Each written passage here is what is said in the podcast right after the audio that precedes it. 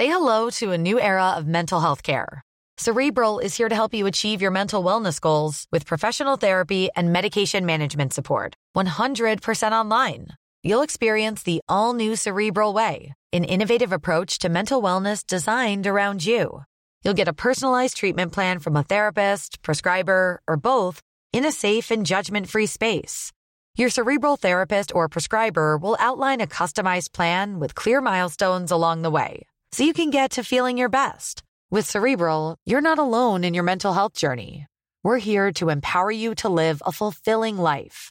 So take that first step towards a brighter future and sign up today at cerebral.com slash podcast and use code ACasts to get 15% off your first month. Offer only valid on monthly plans. Other exclusions may apply. Offer ends July 31st, 2024. See site for details. Innan vi sätter igång dagens podd så vill vi bara passa på att slå ett slag för vår nyöppnade webbshop. Det är öjsnack.se utan ö då så oisnack.se. Där hittar ni eh, lite öjsnack-merch eh, i diverse former. Eh, nej men det, det är roliga motiv och sånt där som vi har satt ihop och det, vi har verkligen försökt att skapa något eh, riktigt fint för att få till eh, lite nya motiv och lite intäkter till klubben bland annat. Så att, eh, ja, var inte rädda för att klicka hem en tröja till dig själv eller eh, någon eh, du håller kär eller något sånt där. Så, eh, så blir vi glada. Det blir vi. Nu över till dagens podd. Vi är blå och andra laget slå. Hej! ÖIS är världens bästa gäng.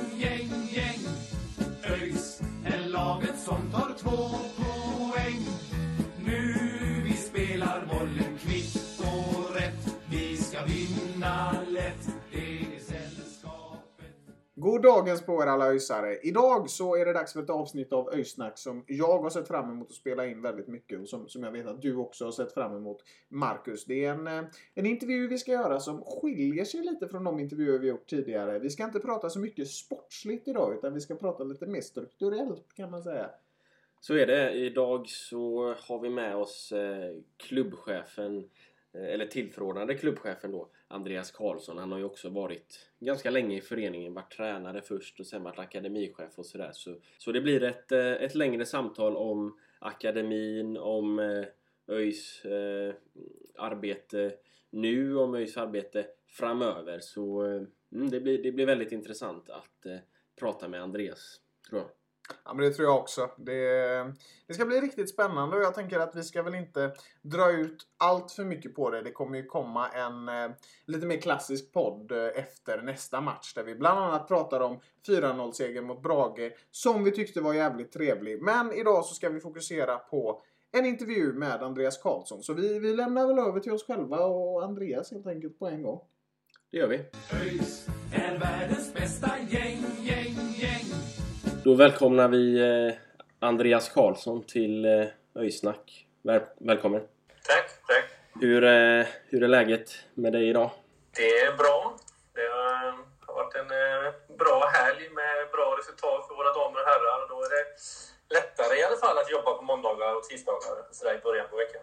Mm. Ja precis, det var ju damerna säkrar ju seriesegern i division 2 och får kvala upp till ettan och herrarna vann stor storseger mot, mot Brage. Är det en härlig känsla då i, på hela gården kan jag tänka mig nu efter Ja, det är det absolut. Det är en eh, härlig känsla framförallt kring damerna där man liksom har firat en serieseger. Men kring herrarna är det ju jätteviktigt att inte slappna av utan vi är fortfarande i ett jättetufft läge och de andra lagen vinner också. Så att eh, där får man njuta kort och sen så är det mot nästa match nu mot Halmstad. Men damerna är ju lite enklare för där har man ju nu en match som, eh, ja, där man egentligen bara behöver hålla en god form inför kvalet. En eh, helgens match är ju, är ju ingenting, betyder ju ingenting längre när vi har vunnit serien. Så. Ja precis. De har ju de har väl ändrat om serien lite där så det blir kval även om man vinner eh, tvåan va?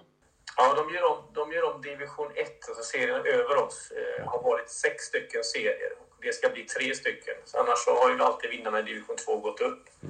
Men anledningen till det är att eh, de som har vunnit division 1 har ju fått kvala upp till elitettan.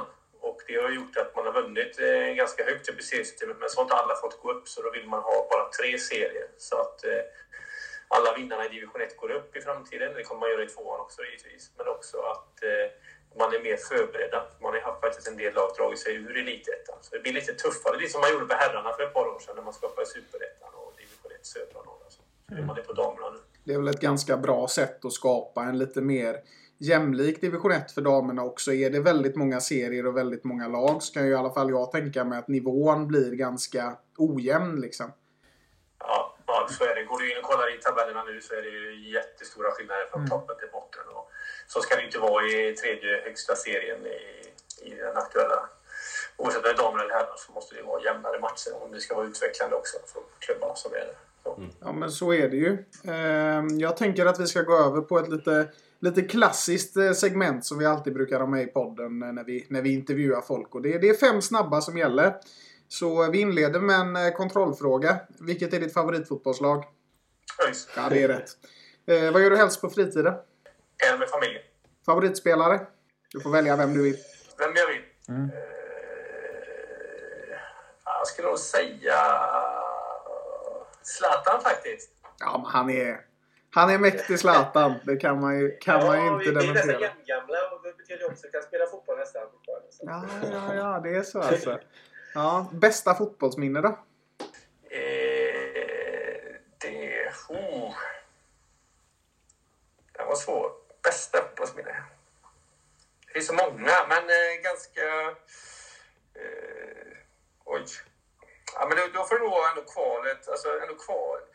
Eller, ja, jag skulle säga derbyt mot Gais. Det faktiskt blev 4-4. Kanske lite dåligt så, men det var just så jag tyckte att Jens Kajus slog igenom med dunder och brak då i den matchen. Och jag hade själv eh, haft han i akademin och tyckte det var en, eh, en, en stort genombrott. Så det, det blev en speciell känsla. Så, Ja, men det kan jag säger förstå. Ja, det var, det var det. helt otrolig match på alla sätt. Ja, så var det Ehm. synd att vi inte vann, men det var ett otroligt genombrott av en spelare jag, i just den matchen. Ja, det var, det var synd att eh, Aydin var på fel lag där i den matchen. Ja, ja, precis.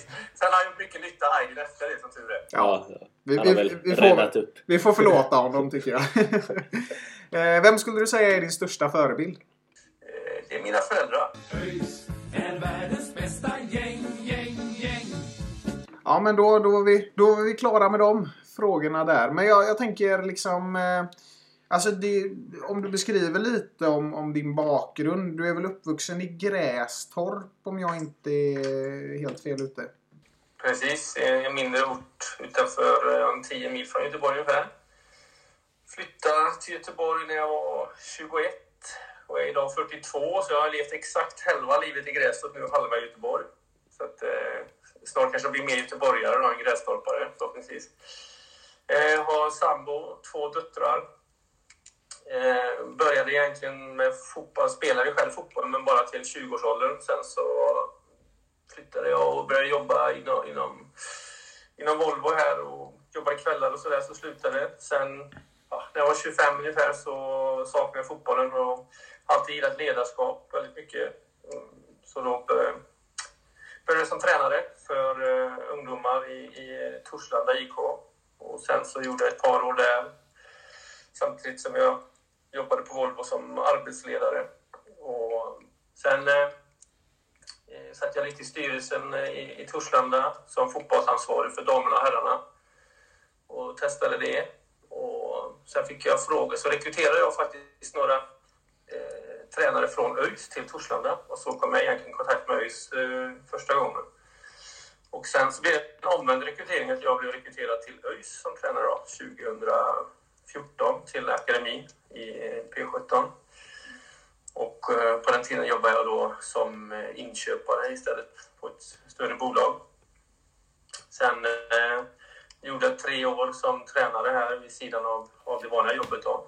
Och sen tog jag ett sabbatsår 2017 när jag fick min eh, första dotter. Och sen 2018 så fick jag frågan om att komma tillbaka som akademichef. Och, och då tyckte jag det lät spännande.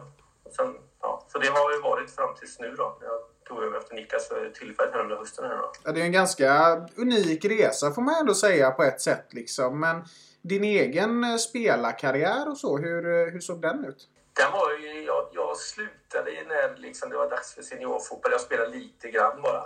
Så, men eh, ingen, var väl duktig så, men hade inte liksom... Tränade inte tillräckligt mycket, skulle jag säga. När man kom... Jag började jobba skift väldigt tidigt och sådär. Så att... eh, Nej, så att jag var ok- okej. Kunde säkert blivit OK också. Inte elitfotbollsspelare tror jag inte, men i alla fall. Men tränat lite hårdare. Men... eh, Så att... eh, Men jag, jag spelar ju med både Erik och Marcus Dahlin som gick till ÖIS. Nu var ju Marcus den som gick bäst för. Men Erik var ju väldigt skadedrabbad tyvärr. Men han var ju en jättestor talang faktiskt. Så att, eh, så att eh, ja. Så det, det var väl egentligen kanske då också en, en del av kontakten med ÖIS att, man, att de gick hit och som man hade spelat med i många år. Så. Ja, ja men det, det kan man ju förstå. Vad, alltså när du liksom insåg att du saknade fotbollen och så, så som du berättade, så, så blev du ju tränare liksom. Kände du redan när du spelade själv att du tyckte det var intressant att ha de här tränarrollerna och liksom var, ha, ha en liksom ledarskapsuppgift mer än en spelaruppgift? Ja, så har det alltid varit. Jag har alltid varit extremt intresserad av ledarskap. Eh, och både, jag har oftast varit lagkapten och oftast liksom i, i de flesta sammanhang med både, både på arbetsplatser och med vänner så gillar jag liksom att, att ha en ledande roll. När jag skulle göra värnplikten så skulle jag bli gruppledare och ja, jag har alltid ett stort intresse för att, att leda andra människor i, i olika sammanhang. Och tycker det är extremt spännande att få folk att, att dra åt samma håll och jobba, jobba hårt med, för att man ska nå gemensamma mål och sånt. Mm. Ja, men det är en, det är en bra egenskap liksom och, och, och vara tränare då liksom. Eh, Men jag tänker alltså när du liksom fick för dig att bli tränare där i i 25-årsåldern. Hade du någonstans kunnat se framför dig att du liksom skulle vara klubbchef i ÖIS 15 år senare liksom? Nej, abs- absolut inte. Och, akademichef och sånt var inte så det, det var ju heller ingenting man pratade om. Det var inte akademi var inte på samma sätt när jag började som tränare. Utan då var det liksom lite mer herr och juniorfotboll som man pratade om. Då. Det har ju gått ganska snabbt i elitfotbollen hur den har förändrats. Så. Men eh, min, min drivkraft har alltid varit egentligen att jobba med ungdomar och talangutveckling. Jag tycker det, dels att det händer så mycket och de är väldigt, eh, går att påverka väldigt mycket och hjälpa dem att, eh, att försöka nå sina mål och, och, och drömmar. Mm. Så att, eh, eh ganska tidigt när jag blev tränare så var jag aldrig intresserad av att bli seniortränare utan alltid varit extremt intresserad av, av precis under A-lag, liksom, där själva där det är nära eh, att, att nå seniorfotbollen. Så. Men eh, ja, så att jag har inga tankar på, på varken akademichef eller klubbchef. Alltid egentligen älskat tränarskap. Sen har ju det varit, när man fått frågan, varit spännande utmaningar och att man då ska, istället för att leda spelarna, så, så när jag blev akademichef så skulle man leda tränarna som klubbchef så ska man ju leda organisationen i, istället. Så det är ändå ledarskapet som, som fortfarande är samma spänning och utmaningar tycker jag. Så. Du har ju tidigare haft någon, du hade någon ledningsroll på Volvo där, eller hur var det? Absolut, ja precis. Mm, precis. Och arbetsledare så. Ja, känner du liksom att det är någonting som hjälper dig i, i det arbetet du utför idag? Ja, det, alltså jag tycker alltså ledarskap generellt. Eh, man kan ta det till många olika eh, områden för det är ändå om man ska leda människor i alla fall så, så tycker jag att då är det ju då kan man ta mycket bitar från både idrotten och från olika eh, tidigare yrkeserfarenheter. Och, och sen eh, har ju hade Volvo väldigt fina sidor som jag tycker man kan ta på fotbollen med väldigt mycket struktur, ordning och reda. Så där har ju har ju kanske just den branschen kommit extremt långt och man ska optimera allting och sådär. Men framförallt kan man ta med sig grupper, alltså att, att leda grupper och få grupper att, att dra mot samma mål och så. Och det har man ju nytta av här också. Vi har ju mycket målsättningar att göra här, inte bara sportsliga. Vi har ju publik och evenemang och ja, kupper vi driver. Och, alltså, här är ju också mycket att jobba med målsättningar och ja, vi har även intäkter på marknad och, och sådär. så att det, Ja, eh, men du blev ju då rekryterad till Löjs där 2014 som du sa. Eh, du jobbade väl eh, lite i, i P17 och, och P19 då på den tiden va? ja. Yes. Eh, hur, eh, hur var det att liksom byta då från, från Torslanda till, till ÖIS som ändå... Nu är ju Torslanda på... De är väl i tvåan eller något sånt va? Men, eh, men ÖIS är ändå ett steg högre upp då. Hur, hur var, var den liksom, det bytet där? Jag precis. Eh, eh, då när jag faktiskt eh, satt som fotbollsansvarig så vann vi med både herrarna och damerna division 2. Så vi var i division 1 och när jag kom till ÖIS då var ju ÖIS precis och ramlade ut ner till division 1 elvan 2015. Så det blev nästan Ja, det var ju samma serie, men man kände ändå att det var en helt skillnad på föreningar, att det ändå fanns ett e-, elittänk här. Däremot var det väldigt nära efter konkursen, vilket man kände att eh, förutsättningarna just där och då var inte så extremt mycket högre. Spelarna var givetvis av högre kvalitet eh, och bättre utbildning och man hade fotbollsgymnasium och allt det där. Men det var ju fortfarande mycket eh, tuffa situationer där det inte fanns pengar till att genomföra saker och sådär. Och, och, ja, anläggningen var, eh, haft en tuff tid. Den ägdes ju inte utav oss själva då och sådär. Så att, men man kände givetvis kring herrarnas matcher då att det var ett helt, det var ett helt annat intresse kring klubben generellt. så. Men kring själva ungdomsverksamheten så, var, så var det ändå... Man hade gjort kraftiga nedskärningar precis innan jag kom för att eh, man hade haft mycket heltidsanställda och sådär och det hade varit en upprensning. Så det var inte så mycket folk som jobbade då i ungdomsverksamheten eh, på heltid i alla fall. Det var mycket arvoderade folk. Idag är det ju ganska många som jobbar heltid igen som jag har fått upp. Så att, ja. Så, så, på den tiden, ja, som jag, jag jobbade ju parallellt och, och, hela tiden så där. Idag, så att, eh, men eh, det, man, visst, klubbstorleksmässigt var det ett helt annat intresse kring herrarna eh, och seniorfotbollen, så är det mm. Ja, men vi, du, du nämner ju konkursen där som ju påverkade ÖIS väldigt, väldigt hårt. Och det, det är ju ändå ett tag sedan nu jämfört med när du, när du kom till ÖIS. Liksom. Hur har förutsättningarna liksom förändrats sen dess till idag? Liksom? Är, det, är det en helt annan grej nu med förutsättningsmässigt? Ja, det tycker jag absolut. Eh, både eh, kring herrlaget tycker jag. Eh, där tränarna har, har heltidsanställningar. Det var det faktiskt inte heller då när jag kom, utan det var huvudtränaren bara typ som hade heltidsanställning. Sen var det många halvtid och så, och även spelarna. I akademin var det ju absolut ingen heltid. Det var ju någon som hade Alltså, kanske 10-20 procentiga tjänster. Och idag är det, ju, är det både akademichef heltid, eh, ungdomsansvarig heltid, eh, fotbollsansvarig ungdom heltid. Och sen har vi nu också de här två killarna från Real Sociedad på heltid och sen är det även några tränare då, som har nästan halvtid och sådär. Så, så det är ju helt andra förutsättningar idag än, än vad det var då. Så. Ja, och liksom akademin har ju ändå byggts upp får man säga. Eh, eh och, och det är ganska många som har tagit klivet upp i, i A-laget. Du nämnde väl Jens Kajus där som, som kanske är den, eh, den som har nått allra längst från, eh, på senare tid då, från, från akademin. Eh, var det någon, någon mer som är uppe, eller har gått upp till A-laget som du var med och tränade där i, under dina år? Ja, men då har de nästan redan lite lämnat igen. För det har ju varit målvakterna, Oskar och Oskar Blanco och Hjalmar Bäckström var ju uppe. Och sen var ju även eh, ja, Arvid Sigurdsson, hade jag en sväng i P19, Otto Pettersson. Ja, det är ganska många. Och det har ju varit också kanske utvärderingen kring när jag själv varit akademichef hela tiden. Att först var det mycket målsättningen när jag tillträdde att ja, vi måste försöka få upp spelare eh, till, till A-laget. Och, och, det tycker jag det är, det är ganska lätt. Det är bara egentligen att skriva korta kontrakt med en. Sen kan man byta ut den mot en ny så uppfyller man ju det målet hela tiden att flytta upp spelare.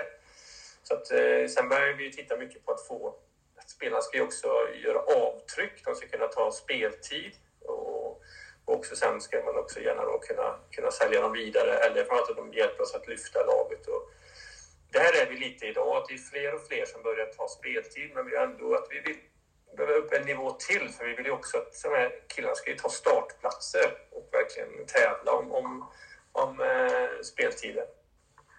Så att, eh, det är det vi tittar på nu och känner att, så jag tycker att det, det har tagits kliv hela tiden men vi har fortfarande en bit kvar att göra. Så vi har ju skruvat en hel del på akademin de senaste åren här för att få till att det verkligen eh, är fler som också startar i varje, varje match och, och också att det finns, finns fler säljbara. Nu har ju Herman eh, sålts vidare, men jag har ju tillbaka Herman. Och så Jens då, men det är ju också en intäkt för föreningen och ett sätt att utveckla föreningen också. Ja men precis, precis. Eh, ja, det är ju Herman då var ju åtminstone startspelare innan han eh, gick till Sirius där. Nu han väl nu startar han ju i helgen då och sådär och några starter.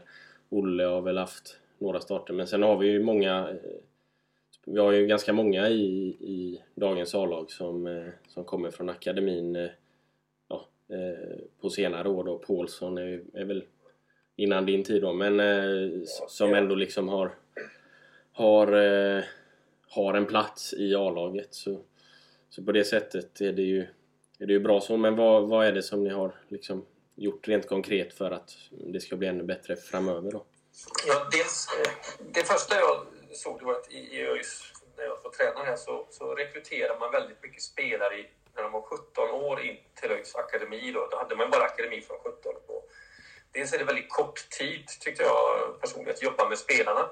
Och eh, nummer två är att man, eh, det är väldigt viktigt att få in dem på fotbollsgymnasiet. Och fotbollsgymnasiet, att uttaget, att söka till fotbollsgymnasiet gör man när man är 15 år. Och att då spelarna skulle komma när de var, var 17 år, då hade de redan missat det. Det betyder att om man tränar fotbollsmässigt så tränar man tre pass på morgonen och fyra på eftermiddagen. Då ligger man på sju pass i veckan. En spelare som inte går fotbollsgymnasium tränar fyra pass i veckan. Och eh, då var jag på en, eh, föreläsning bland annat om, om idrottsgymnasium där man har forskat på alla som elitidrottar i alla idrotter i Sverige. Så har 90 procent av alla de som elitidrottar i alla idrotter har gått idrottsgymnasium. Att ÖIS då gjorde valet att inte satsa så mycket på att ta ut de här spelarna till fotbollsgymnasiet, rätt spelare med, kvalit med, med rätt för, förutsättningar och potential. gör att vi la oss i korgen med 10 procent eh, av de här som skulle lyckas. Alltså det var liksom mycket svårare. Så då har ju, har ju mitt jobb varit först och främst att få ner åldern då vi börjar ta ut spelarna till akademin. Så det gör vi ju nu från 15, men kommer sänkas till 13. Sen kommer det inte sänkas mer, men nu görs det från 15 har gjort nu, vilket då gör att man får god tid på sig att välja ut, för vi har ju tio platser, välja ut de rätta spelarna och då få in dem och få upp dem på den här träningsmängden. Det har ju redan gett oss en väldigt stor effekt. Sen har vi nu också tittat över lite att ha en, att ha en väldigt bra träningsstruktur. Vad ska man träna i varje ålder? Inte liksom att, att bara träna som ett seniorlag. För ungdomsfotboll handlar ju om vad behöver jag kunna när jag är 15 för att sen klara 16? Vad behöver jag kunna när jag är 16, 17, 18, 19? Precis precis som i skolan. Man ska gå sjuan, åttan, nian, sen gymnasium. Sen ska man ut i arbetslivet. Mm. Det är ju samma sak här. Man ska gå högstadiet och man ska gå gymnasiet fast man pluggar fotboll. Och sen ska man... Arbetslivet är elitfotboll då. Så. Mm. Så. Ja, vi båda, har ju, vi båda har ju gått idrottsgymnasium fast i friidrott då, så vi vet ju vad det innebär, liksom vilken, vilken fördel det är så. Ja. ÖIS är världens bästa gäng blir ju akademichef där efter några år. Ehm, är det liksom... Då, är det mer ett, då fick du mer ett övergripande ansvar över akademin. Eh, som du sa innan, ansvar över tränarna då. Vad, liksom, lite kortfattat, vad innebar det att liksom bli akademichef? Eh, det var ju en stor förändring såklart från att vara bara tränare, men, men liksom, vad, vad innebär det rent övergripande? Så? Ja, först var jag ju då helt eh, ens, då var jag ensam när jag när jag fick erbjudandet att bli så var jag först på 50 procent. Så då var jag ju den enda anställda på 50 procent. Då hade jag ju ansvar för hela ungdomsverksamheten och akademin. Allt som gällde ungdom i, i ÖIS. Sen har vi, eh, har vi lyckats jobba upp lite ekonomi i ungdomsverksamheten och då har vi anställt en ungdomsansvarig och en fotbollsansvarig ungdom. Så då har jag egentligen släppt eh, det till dem, fast jag är ju övergripande ansvarig mot styrelsen. Var jag då. Men de drev ju själva det här. Ungdom är ju då det föräldrar och alla barnen och flickor, pojkar och flickor eh, tränar. Och att man då jobbar mot föräldrar så att det är bra träningar även där. Och att vi får upp spelare därifrån. Men sen hade jag ju då ansvar för rekrytering och både av spelare och tränare till akademin. Och eh, förhandlingarna med de eh, avtal för tränare och sådär. Nu har vi ju fått två killar från Real Sociedad som Real Sociedad bekostar men de jobbar här. Eh, och då är den ena är scout, så då har man ju inte rekrytering utan han tar ju fram förslag på spelare. Så får akademichefen sen nu då sköta kontakter med föräldrar och så och klubbarna vid rekrytering. Och sen har vi ju då en som blir utvecklingschef så att eh, han jobbar ju med eh, tränarna och, och träningsmetodiken och matchmetodiken. Så att idag är, är jag hade i alla de tre rollerna, men idag när David nu har det så är det, ändå, det är tre personer som... Ja, förut var jag ensam och gjorde alla tre, nu är det mer utspritt. Så att det är väldigt bra organiserat nu och då är ju eh, akademichefen mycket övergripande och se till att eh, följa budgetar och, och, och följa upp alla olika verksamhetsområden och sådär. Så att, eh, lite annorlunda roll idag än vad det var när jag tillträdde faktiskt. Alltså vi, vi, alltså när vi snackar om det här så märks det ju verkligen att akademin har utvecklats de senaste åren under din tid jättemycket. Eh, men om det finns liksom om det finns någonting, någon sån här utmaning som du känner att ni verkligen jobbar med väldigt mycket nu. Finns det någon sån? Eller vad är liksom vad är det ni drömmer om att kunna utveckla ännu mer med akademin? Liksom? Ja, det som var givetvis det är ju ett spelarintresse och sen så är det ett långsiktigt. Alltså det här jobbet som är gjort nu, man ser som har nu skett de senaste två åren, varför man får inte glömma det, det, det anställs väldigt många bara de senaste två åren på akademin, så det är en väldigt stor satsning från klubben de senaste två, plus att deras Sociedad nu tillför de här. Det kommer ju ta tre till fem år innan man ser frukten i, i seniorfotbollen, för de, de är ju ganska unga de här killarna man nu rekryterar in och sådär. Det, tar, det tar ju ett tag, men eh, nästa utmaning nu, det är ju att få huvudtränarna att kunna jobba heltid med fotboll.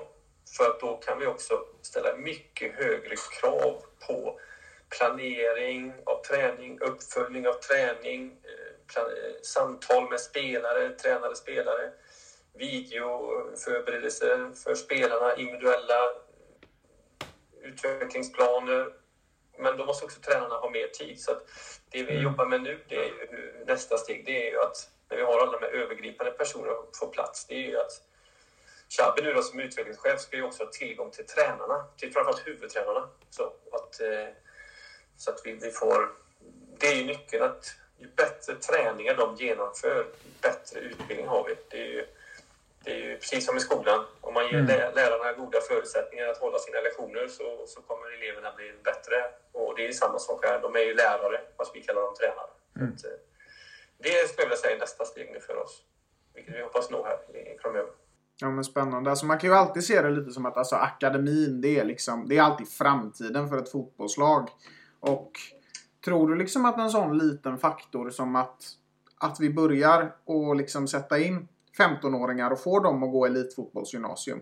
Kan det vara en sån ändå ganska, alltså det är ju ändå en ganska enkel grej om man får uttrycka sig så, som, som faktiskt kan bli det som gör att ÖIS blir en allsvensk klubb och får fram storspelare på sikt? Absolut tror man kan se det på två sätt. Att, eh, dels nummer ett att ÖIS kan bli en, en stabil förening. För att man kommer ju fostra mycket eget. Sen kommer man aldrig fostra alla, vilket gör att vi kan, när vi värvar utifrån så ska man känna att det här är något vi verkligen saknar och som inte finns. Och då kan man kanske gå hårdare på just den profilen än att idag värvar in ganska mycket spelare. Eh, det är ju nummer ett. Sen nummer två är ju att, att de här egenfostrade uh, unga spelare, uh, ja, så länge de är under 24-25 år så har de väldigt högt säljvärde. Och att varje man säljer också under, under resans gång gör ju att man kan återinvestera och alltså och bygga upp klubben långsiktigt. Så, så, så det finns ju både liksom det finns två effekter av det som jag ser det och därför så ska man verkligen ha en, en bra egen akademi. Sen ska man aldrig glömma bort att man måste ha en väldigt bra spelarrekrytering utifrån också. Men den kan man då vara, kanske vara lite spetsigare och man kan behöver inte ha så mycket spelare så att man har väldigt god tillsyn underifrån. Ja, men väldigt spännande tanke. Eh, jag tänker liksom att du som ändå har väldigt god insyn i, i akademin och sådär hur, hur mycket talang skulle du säga att det finns där idag? Hur många spelare från akademin kan vi se ta klubben eller ta klivet upp till, till A-laget inom kanske två år? Oj, svårt att säga. Mm. Men jag, under alla år jag har varit här så har det inte, aldrig funnits så mycket duktiga fotbollsspelare som det gör nu. I, och då menar jag inte bara för ibland har vi haft en jättebra en kull. Nu finns det bra spelare i varje kull. Och, och, det är inte så bara att man vill ha en bra kull, man vill ha, man vill ha några som är riktigt toppspelare som man känner att de här kan bli väldigt, väldigt bra sin elitfotbollsspelare. För det är lätt att man bara har en, en bredd som är okej, okay, men man, i varje kull måste du känna att du har en till tre spelare som är, som är dina, ja, vi kallar dem high potential player här nu då.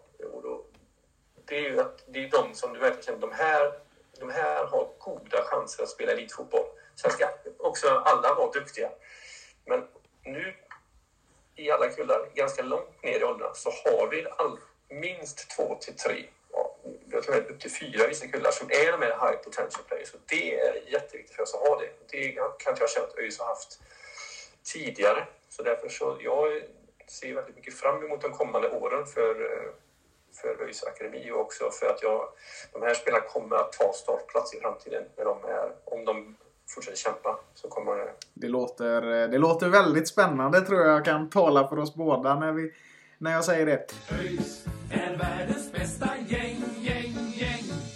I alla fall då, det, var ju augusti i år som, som det blev klart att du, att du tar över efter, efter Niklas Allbäck då som, som tillförordnad klubbchef. Hur, hur var det den processen gick till? Ja, styrelsen ville... ha eh, Niklas flaggade för, för sin situation och då fick jag frågan av, av styrelsen om, om jag kunde tänka mig att, att eh, köra det hösten ut. Och jag hade aldrig tänkt i de banorna innan så, men givetvis så, så var det först tråkigt att, eh, för Niklas del, som han har jobbat nära. Men sen, sen kände väl styrelsen att jag kunde, hade varit här länge och kunde klubben bra och alla, alla dess eh, områden. Och då tyckte jag det var en, självklarhet att ställa upp och, och, ja, och också få en chans att testa och vara tillförordnad klubbchef. Och, så att, eh, ja, det var väl också en situation där vi inte ville röra om för mycket och att rekrytera massa folk och så. Vi har ju haft ett tufft sportsligt på herrarnas sida och också då, det har sagts upp lite folk under året och så här, för att det inte skulle bli så stökigt. Då de flesta känner till mig här i klubben i alla fall. Så, så väl, det är en bra lösning att jag körde året ut. Och vi, vi fick lugn och ro och alla spelare och, och, ledare och alla som jobbar här känner sig trygga med att det är någon de känner sedan tidigare som leder klubben just nu framåt. Mm. Så, under, under den situationen som är. Ja men precis och jag tänker du och Niklas, hur nära samarbetade ni när du hade rollen som, som akademichef? Vi har faktiskt alltid haft en väldigt god eh, eh, relation och jag har eh, slagits mycket för talangutvecklingen här så, så, så han, han, har fått höra mycket, mycket jagat han med att vi ska liksom lägga det, sätta resurser på det här och jobba långsiktigt och, och så. Så vi har alltid haft mycket dialog och sådär. Och eh, nu, eh, de senaste åren tycker jag också styrelsen har varit väldigt involverad i det. Så att, eh, vi har varit en, en grupp där som har jobbat väldigt tajt. Så jag, jag har ju suttit Niklas när han har behövt hjälp i vissa delar i sin, så jag känner mig ganska god eh, känner mig ganska trygg i att, liksom, att, att kunna eh, ersätta han här just nu. Och han är ju samtidigt kvar eh, på viss procent också. Mm. Så det är också en trygghet att, för alla när vi gav beskedet att det är ingen som försvinner på dagen. Så, utan, det utan han är kvar året ut och så här. Så det har mm. gått väldigt bra. Ja men gött. Och för de som liksom kanske inte är jätteinsatta och sådär. Alltså hur, vad är skillnaden mellan en sportchef och en klubbchef? Om du skulle beskriva det det, det kan jag säga är lite upp till klubben egentligen. Om man ska ta rollerna rent så är det klart alltså, sportchef är, är ju sportsligt ansvarig för, eh, för herrarna och eh, kan ju också vara ansvarig för akademin. Eh, till, alltså att man har an, lite ansvar över akademichef beroende på. Och klubbchef har ju mer ett klubbperspektiv att utveckla föreningen och, och dess delar och har ett övergripande ansvar över, över egentligen alla. Så. Men en del klubbar jobbar ju med att klubbchef är även sportchef, att man har delade roller. En del har ju att akademichef är sportchef. Eh, så det är lite... Så att titlarna i sig är ju väldigt olika, men ja. sen jobbar alla klubbar väldigt olika beroende på förutsättningar. Alltså, ja, Giffarna Sundsvall har ju kört länge att, att sportchef, eh, klubbchef är samma person. Eller sportchef, eh, akademichef är samma person. Elfsborg kör ju lite liksom att tränaren är manager och, och och att klubbchefen då är en del av sporten och gör spelarförhandlingar och sådär. Så mm. att, eh, ja. det, det, är olika titlar men det är väldigt olika hur folk använder rollerna. Mm. Man kan säga att det skiljer sig lite, arbetsuppgifterna skiljer sig lite från klubb till klubb helt enkelt. Ja, precis. Men skulle man ha rena roller som en del har så är det väl ganska tydligt att sportchefen är över sporten och, ja. och klubbchefen är mer över, liksom, mark, alltså, över hela klubbens övergripande liksom, och utveckling. Så. Men eh, ditt arbete då som klubbchef eh, idag, nu har vi ju ingen eh, sportchef just nu för tillfället då. Hur, eh, blir det lite mer en, en blandning då mellan, eh, mellan det som du beskrev här? Eller hur, hur ser ditt arbete ut? Mm. Ja, vi har ju valt att köra ett, eh, ett sportråd så länge då, där jag är en del av det. Eh, och tillsammans med tränarstaben eh, och två från styrelsen. Då. Och att vi då för diskussioner med hur vi vill eh, sportsligt ta oss framåt. Sen själva förhandlingarna med spelarna har jag gjort. Då, med dem vi vi vill förlänga med och sådär i dagsläget. Ja. Så att, men då har ju vi i Sportrådet bestämt att de här vill man förlänga med. Om man säger så. Så det är inte, inte jag som går ut och säger att... Ja, så att, lite så jobbar vi nu då. Och så försöker vi väva in akademichef också då för att sätta... Så att man inte... Om man har den här high potential player som vi pratade om så vill man ju inte sätta stopp för den spelaren heller. Utan det gäller att ha en avvägning. Hur långt avtal ska man erbjuda de spelarna som spelar på de positionerna idag? Och när kommer den här spelaren? Och så där, så att det, man väver ihop och synkar ihop. Så att akademichefen har ju också en del av det. Så jag till. Ja, ja. Okej. Och det är från styrelsen, det är George och Fredrik eller? Ja, det är det. Yes. Okej. ehm, vi eh, skickade ut på vår Instagram och sådär eh, lite... Fick in lite lyssnarfrågor. Det var många som undrade givetvis då när, när ÖIS ska ta sig upp till, till Allsvenskan igen. Eh, Men liksom när... Vad är det liksom långsiktiga eh, målet? När, när kan vi bli ett allsvenskt lag igen, tror du? Ja, det, det är en svår fråga när. Eh, det, det jag tycker är viktigt är att, man alltid när man tävlar i idrott så måste man alltid ha ett intresse av att vara bäst. Annars är det ju ingen idé att tävla, tycker inte jag. Och det, och det, det ska jag. Att alltid, vi ska alltid vilja vara bäst och vi ska alltid vilja bli bättre. Sen kan jag tycka att ÖIS också måste ha på många sätt bli bättre, inte bara med sport utan hela klubben måste hänga med. Så att den dagen vi kommer upp till Allsvenskan så ska inte det bara vara, vara att vi kommer upp dit. Vi ska också vara redo att kunna vara kvar och ha, en, ha bra spelare och bra organisation på plats och sådär. Men strävan måste alltid vara att vi ska vara bättre än vi var hela tiden året i säsongen före. Och då kommer vi att nå Allsvenskan. Och jag hoppas ju att det alltid ska gå fort, men det måste också gå så fort att hela klubben hänger med så att vi gör det bra. Men mm för mig så, så ska man aldrig delta i tävlingar om man, om man vill bli sjua eller åtta. Så där. Man måste våga säga att man vill bli etta. Sen kanske man inte kan bli det exakt nästa säsong. Men om vi nu blir elva i år måste vi våga säga att vi ska, vi ska slå det och vi ska bli bättre. Och hur kan vi hela tiden bli bättre? Och att vi har planer för det. Det är både kortsiktiga planer men också långsiktiga planer. För ÖIS ska givetvis tillbaka till Allsvenskan. Det är en klubb som ska vara där. Det är inget snack. Det låter bra. Eh, vad är liksom din analys kring att... Eh, för nu, vi hade för, no- för ett par år sedan så, så var vi ju fyra något år och, och vi var med ganska högt upp och nu har vi haft några säsonger som har varit lite tyngre. Vad är, vad är din analys kring, eh, kring det? Att det har inte, inte liksom slått så väl ut då rent sportsligt så.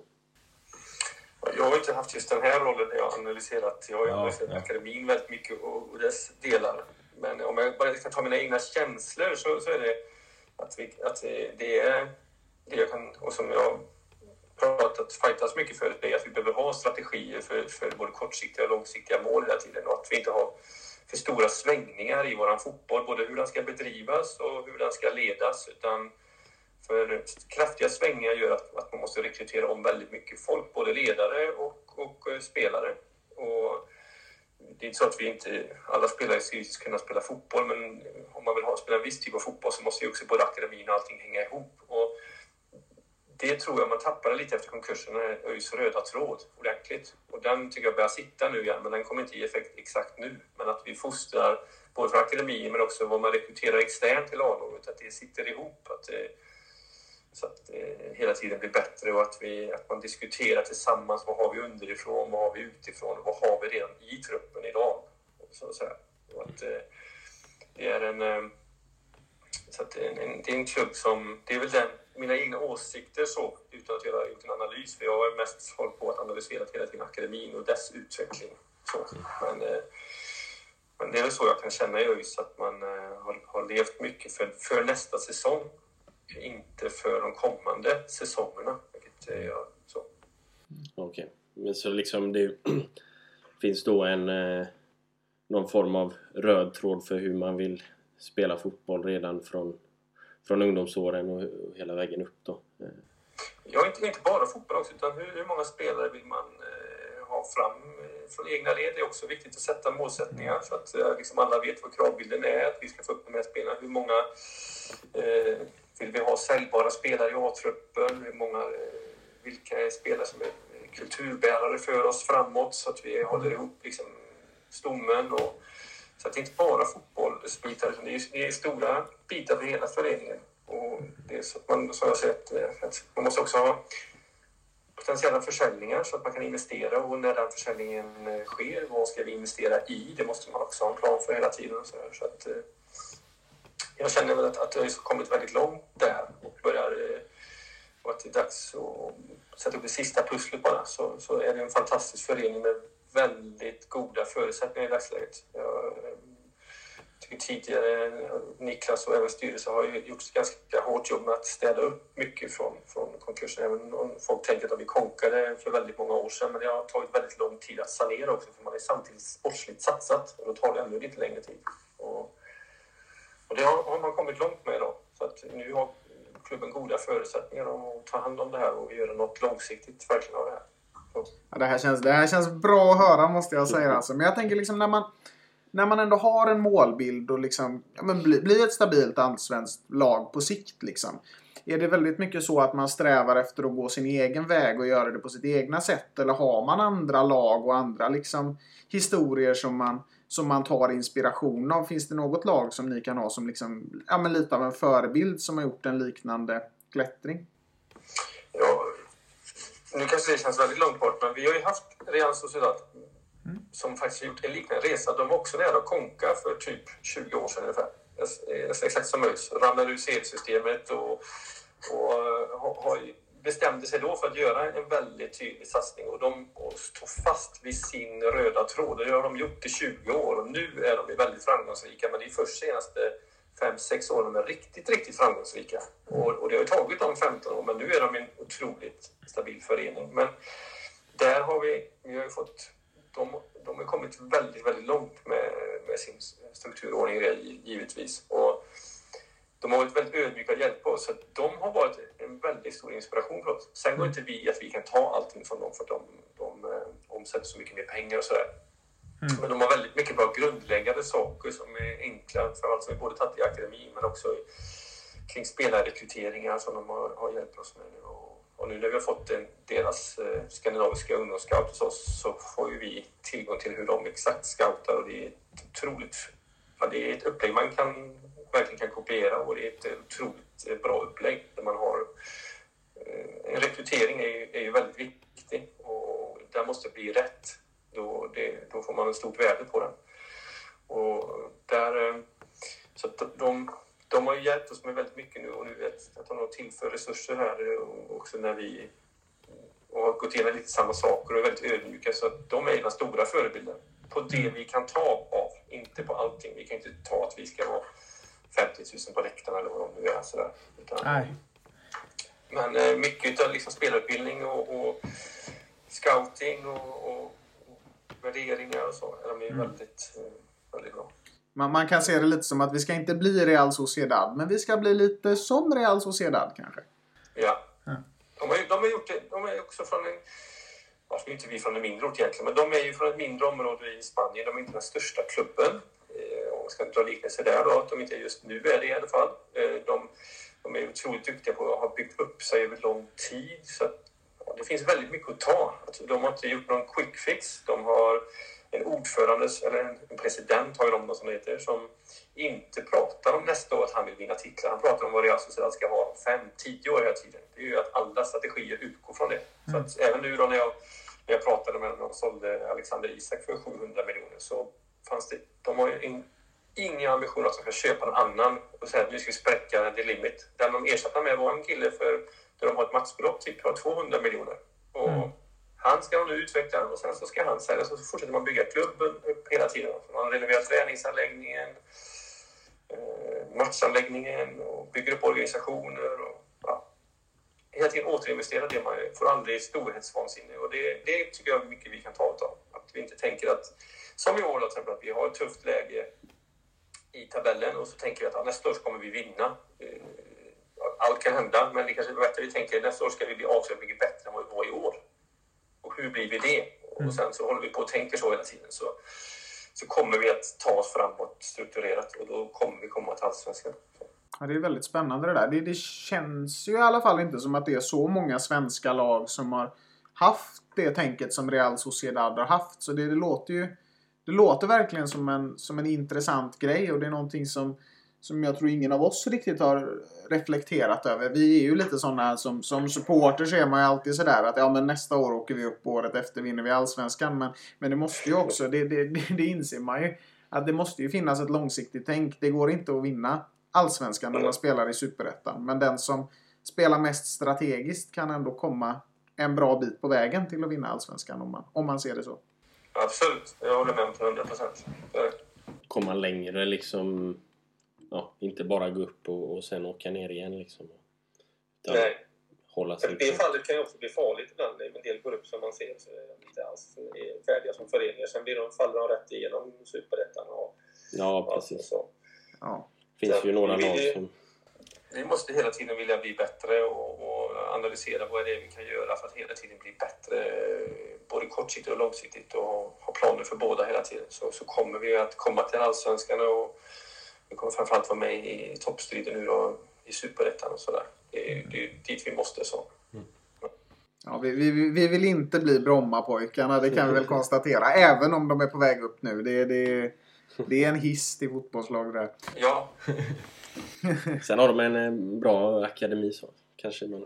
Absolut, så de, de har vissa delar man, man kan ta, men samtidigt så har de ju svårt att få klubbkänsla. Lite känns det som att eh, alla som spelar... Eh, många känns som de hejar på AIK och Djurgården med istället. Och det vill ju vi absolut inte få. Vi vill ju få att alla som spelar i, i ÖIS ska bli ÖISare först och främst. Jajamän. Det är, är en stor rekrytering för oss, både publikmässigt och, men också intressemässigt. Så det är klart att vår egna fotbollsverksamhet är ett jätteintresse. Så att, men sen så är de ju duktiga på att fostra spelare. Det är klart, Ja, ja. det ska man, inte, det ska man ge dem respekt för också. Att de, att de är så.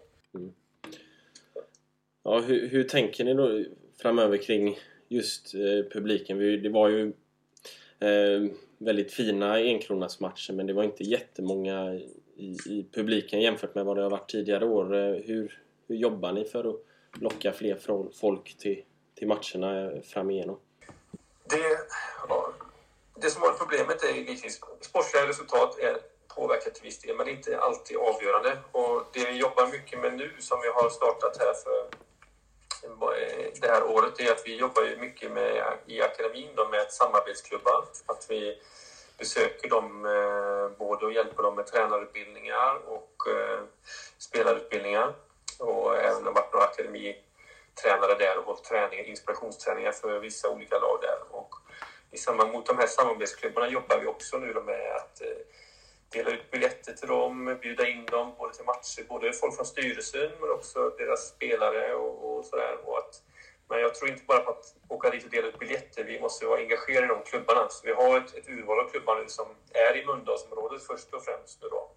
Eh, där vi jobbar aktivt och både att vi försöker rekrytera våra, faktiskt våra akademispelare från de här klubbarna men också då att vi är där och ger dem någonting. För om vi ger dem någonting så blir det ett intresse för ÖIS. Så att vi har i år haft både deras eh, styrelsefolk med oss på matcherna och vi har haft eh, väldigt många lag bjudna. Och det, det är också ett långsiktigt arbete. De kommer inte bli ÖISare imorgon. Men om vi gör så här över lång tid mot, mot vissa klubbar och, eh, och jobbar ihop med dem på olika sätt så är det större chans att, vi, att de också blir ÖISare för att de får både i ledande positioner i de här klubbarna men också i, i de, deras spelare. Vi behöver ju komma åt fler. Att dels att det ska födas eh, eller komma nya ÖISare men också att vi behöver få tillbaka de gamla. Men vi kan inte bara vänta på att de gamla ska komma tillbaka. Vi måste samtidigt få dit nya. Och sportsliga resultat kommer hittills hjälpa oss att få tillbaka många gamla ÖISare. Men eh, nya ÖISare behöver inte bara hänga på sportsliga resultat, kan också hänga att man tycker att ÖIS är en väldigt eh, härlig förening att vara med. Dels är att det är våra tränare där och hjälper till och våra ledare är ute där och, hjälper dem. Så kan man wow, ÖIS är roliga och så går man på, på ÖIS bara för det. Så det, det är ett sätt som vi börjat nu. Så. Ja.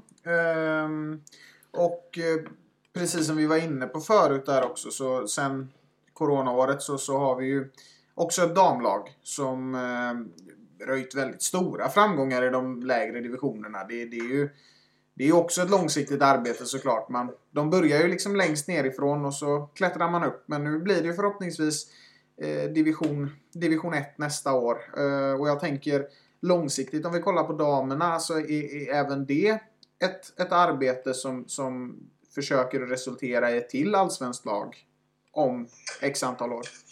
Ja, vi har ju sagt att vi vill spela elitfotboll med både damer och herrar i, i framtiden. Ja. Och, eh, det är ju ett, det, är också det bästa sättet att stärka varumärket, om vi också pratar publikrekrytering, det är ju att, eh, att ha både damer och herrar i elitfotbollen. Och, och, eh, om man ska se till kvinnlig publikrekrytering så är det ju faktiskt väldigt många tjejer som har damallsvenskan ganska högt upp som Mm. sitt intresse och det har inte killar på samma sätt. Så det är ju en chans att, att stärka varumärket. Och vi vill ju också ha samma upplägg på, på damerna gällande akademi. Så vi kommer här nu kommande inom de kommande fem åren här nu att starta upp först ett F19, sen ett F17 och sen ett F15 och ha ett akademiflickspår också Okej.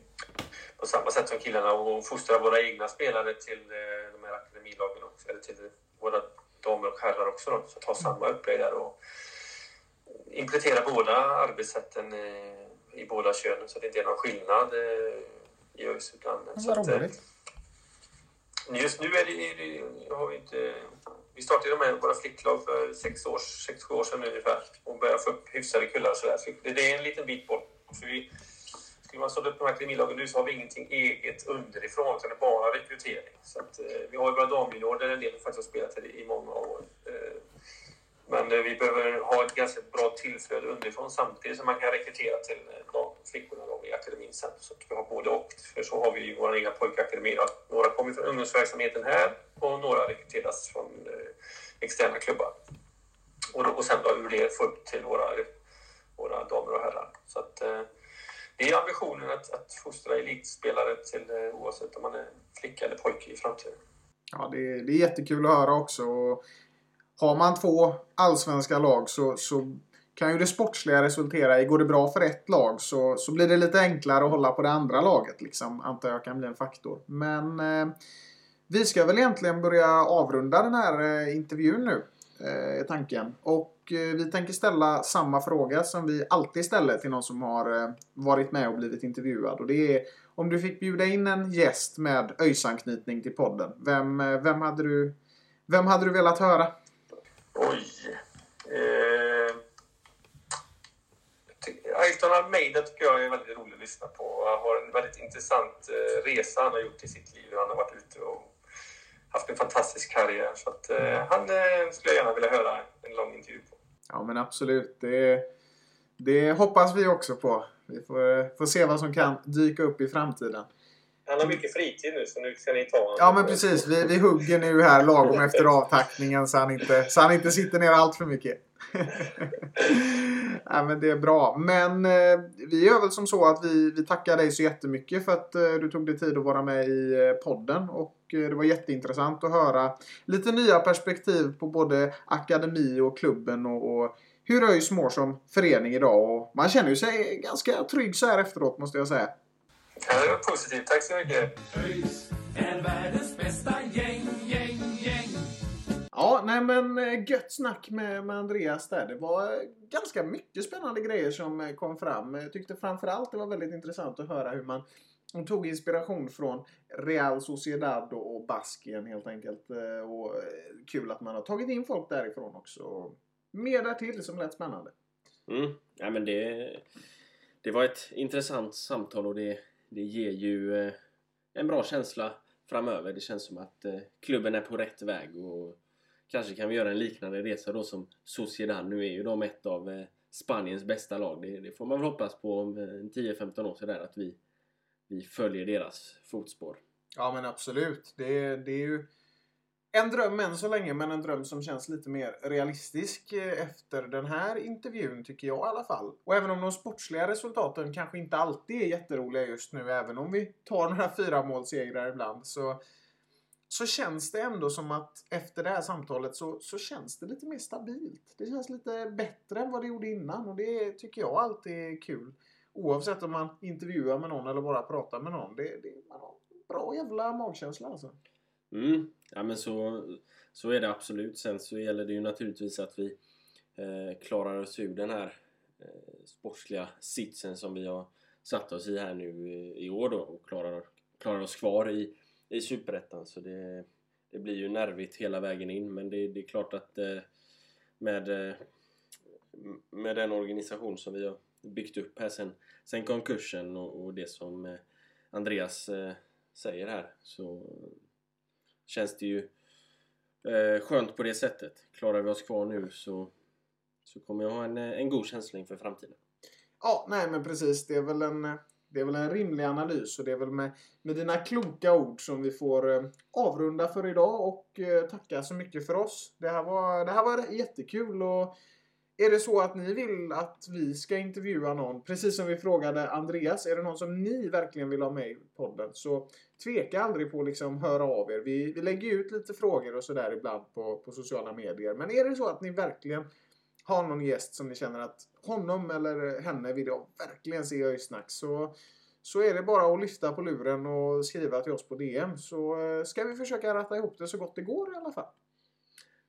Så är det. Eller eh, snacka med oss på kommande match mot, mot Halmstad då, som Halmstad borta här nästa vecka.